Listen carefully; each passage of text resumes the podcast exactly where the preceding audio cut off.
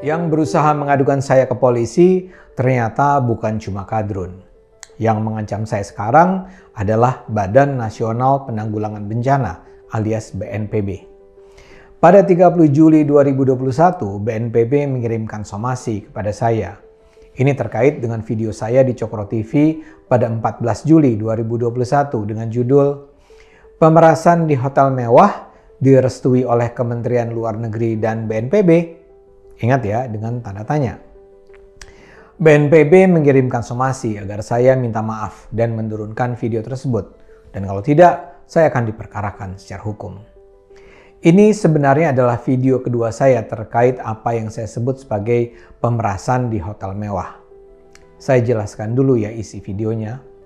Di kedua video itu, saya menyampaikan informasi tentang adanya pemerasan terhadap mereka yang baru saja datang dari luar negeri Para korban harus menginap di hotel-hotel mahal setelah mereka menjalani tes PCR yang hasilnya menunjukkan mereka terkena COVID-19.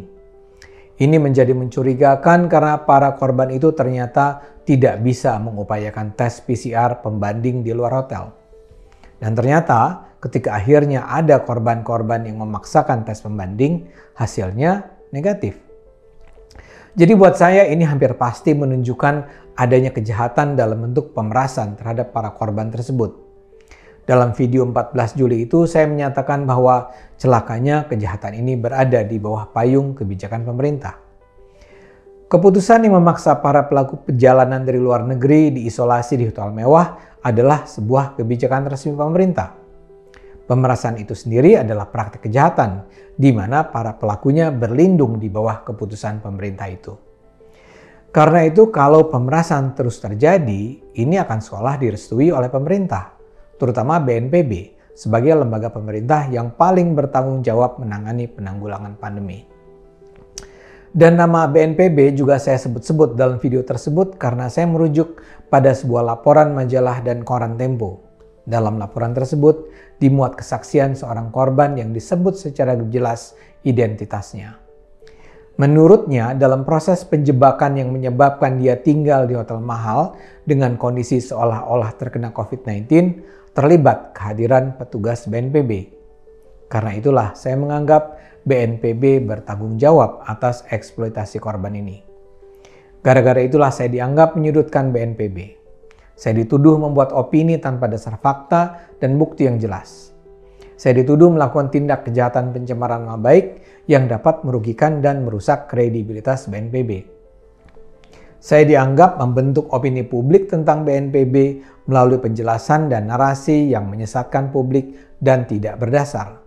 BNPB menyatakan bahwa Satgas Penanganan COVID-19 merupakan regulator, bukan implementer. Implementasi di lapangan adalah tanggung jawab kementerian dan lembaga terkait yang memiliki kewenangan dalam hal karantina kesehatan pelabuhan. Pelaksanaan pengambilan sampel tes swab WNI WNA yang dikarantina tidak pernah dilaksanakan oleh BNPB. Satgas COVID juga sudah mengeluarkan surat edaran bahwa setiap WNI WNA dengan hasil PCR positif berhak menjalani tes pembanding melalui Rumah Sakit Pusat Angkatan Darat, Rumah Sakit Pusat Polri, dan Rumah Sakit Cipto Mangunkusumo.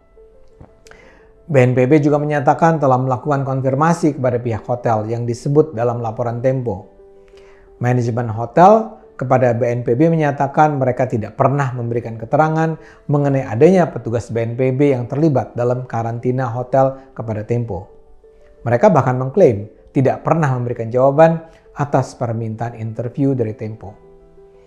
Karena itulah BNPB menyimpulkan bahwa bukti-bukti yang dimaksud berasal dari pelaku perjalanan internasional yaitu Mulyono yang namanya memang disebut sebagai narasumber dalam laporan Tempo.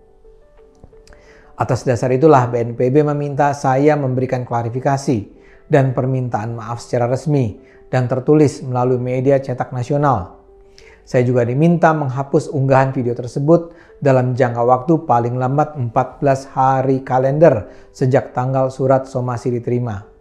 Apabila saya mengabaikan somasi ini, BNPB akan menempuh jalur hukum untuk diproses dan diadili pihak yang berwenang. Surat ini ditandatangani Kepala Biro Hukum, Organisasi dan Kerjasama BNPB Zaherman Muabezi. Surat itu baru saya peroleh pada 20 Agustus karena BNPB mengirimkan surat ke alamat kantor saya yang lama. Untuk menunjukkan itikat baik saya, saya sudah meminta agar video 14 Juli tersebut disembunyikan dulu sehingga tidak bisa disaksikan publik. Tapi kalau saya harus minta maaf, nanti dulu.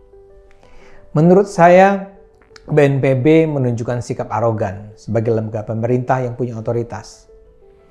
Untuk itu saya gunakan saja contoh lembaga pemerintah lain sebagai pembanding yang namanya juga disebut dalam video saya, Kementerian Luar Negeri. Kemenlu secara khusus menelpon saya, menyayangkan kalau sampai pemerasan benar terjadi, menjelaskan bahwa peran Kemenlu sebenarnya hanyalah menyebarkan nama hotel tempat pasien COVID bisa diisolasi kepada perwakilan negara asing dan berjanji akan melakukan langkah-langkah yang diperlukan untuk mencegah kejadian serupa berulang di kemudian hari.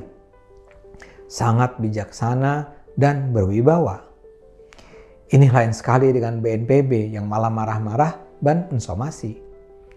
Yang jadi persoalan utama adalah benarkah terjadi pemerasan? Kalau benar pemerasan terjadi, BNPB jelas bertanggung jawab. BNPB tidak bisa lepas tangan dengan mengatakan BNPB adalah sekedar regulator, bukan implementor. Seolah kalau peraturan disalahgunakan di lapangan, BNPB tidak punya daya apa pun untuk mengintervensinya. Saya merujuk saja pada Undang-Undang Nomor 24 Tahun 2007 BNPB memiliki apa yang disebut kemudahan akses untuk melakukan komando atau memerintahkan sektor dan lembaga. Dengan kata lain, kalau BNPB memang mengetahui adanya tindak pemerasan di lapangan yang terjadi akibat sebuah kebijakan pemerintah, BNPB punya kewenangan untuk menjalankan komando demi mencegah terulangnya pemerasan. Menurut saya, kalau BNPB diam saja, artinya BNPB melindungi pemerasan itu.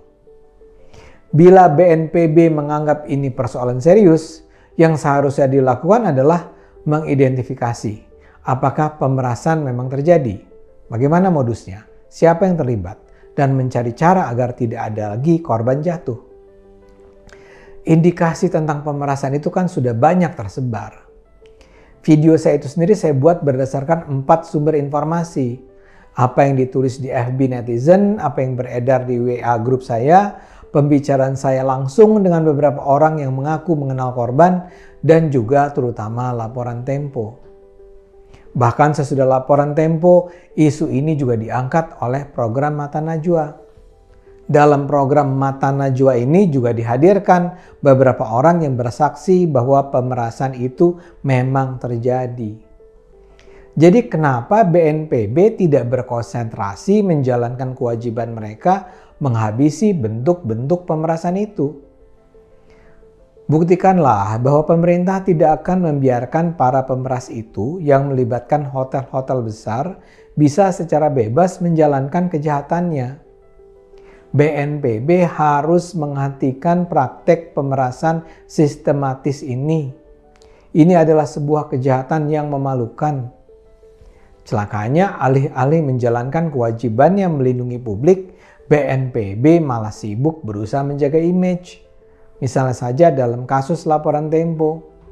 Masa sih BNPB merasa cukup puas dengan bertanya kepada hotel tentu saja manajemen hotel akan memberikan jawaban yang menunjukkan mereka seolah-olah tidak terlibat.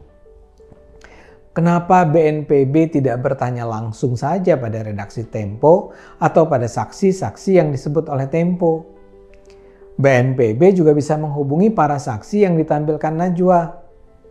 BNPB bisa membaca lalu lalang informasi di media sosial tentang kejahatan ini. Kalau perlu nanti saya juga bisa perlihatkan kisah-kisah yang masuk ke dalam WhatsApp saya. Saya bahkan bisa menghubungkan BNPB dengan seorang wakil rakyat yang mengiyakan apa yang saya sampaikan di video saya itu. Jadi BNPB kenapa Anda-Anda itu tidak justru berkonsentrasi pada melindungi rakyat? Saya kan nggak punya keinginan apa pun untuk merusak reputasi BNPB. Apa untungnya buat saya? Tapi BNPB sebagai lembaga pemerintah wajib menjalankan tugas dan kewajibannya. Kalau pemerasan itu memang terjadi dan terus terjadi, BNPB bertanggung jawab. Karena itu saya tidak akan minta maaf. Kecuali kalau terbukti pemerasan itu memang tidak pernah ada. Wahai BNPB, salam sehat. Terus gunakan akal sehat. Karena hanya kalau kita gunakan akal sehat, negara ini akan selamat.